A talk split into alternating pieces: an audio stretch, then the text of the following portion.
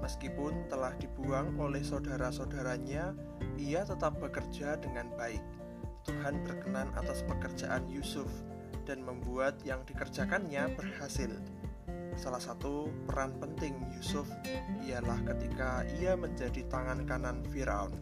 Setelah berhasil menafsirkan mimpi Firaun tentang tujuh tahun kelimpahan, dilanjutkan tujuh tahun kelaparan di Mesir, Yusuf dipercaya Firaun untuk mengelola negara, khususnya menghadapi situasi yang akan terjadi. Kejadian 41 ayat 46 sampai 49. Yusuf berumur 30 tahun ketika ia menghadap Firaun, raja Mesir itu. Maka pergilah Yusuf dari depan Firaun, lalu dikelilinginya seluruh tanah Mesir. Tanah itu mengeluarkan hasil bertumpuk-tumpuk dalam ketujuh tahun kelimpahan itu. Maka Yusuf mengumpulkan segala bahan makanan ketujuh tahun kelimpahan yang ada di tanah Mesir, lalu disimpannya di kota-kota. Hasil daerah sekitar tiap-tiap kota disimpan di dalam kota itu. Demikianlah Yusuf menimbun gandum seperti pasir di laut, sangat banyak, sehingga orang berhenti menghitungnya karena memang tak tidak terhitung berdasarkan petunjuk mimpi yang telah diketahui artinya dengan petunjuk dari Tuhan, Yusuf mengerjakan yang perlu, yaitu mengelola sumber daya. Tentu saja, tujuh tahun kelimpahan tidak boleh disia-siakan. Tahun-tahun kelimpahan adalah waktu untuk mengelola kelimpahan itu agar dapat digunakan untuk menghadapi tujuh tahun kekeringan sesudahnya.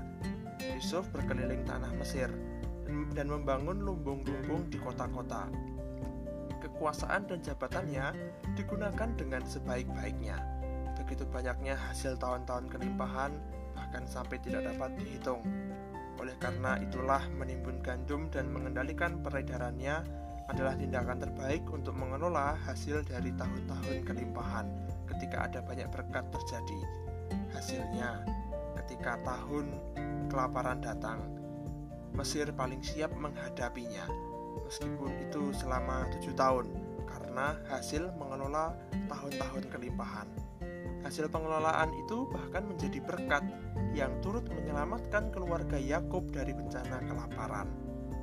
Dalam kehidupan kita, tentu ada berkat-berkat yang Tuhan sediakan.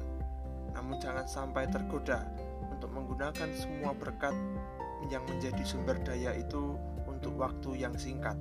Seperti Yusuf Tentu saja, kita harus mengelola berkat-berkat itu agar tetap menjadi berkat, baik di waktu kelimpahan maupun di waktu kekurangan, bahkan dapat digunakan menjadi berkat bagi orang lain. Itulah makna berkat yang sesungguhnya. Mari mengelola berkat dari Tuhan dengan sebaik-baiknya.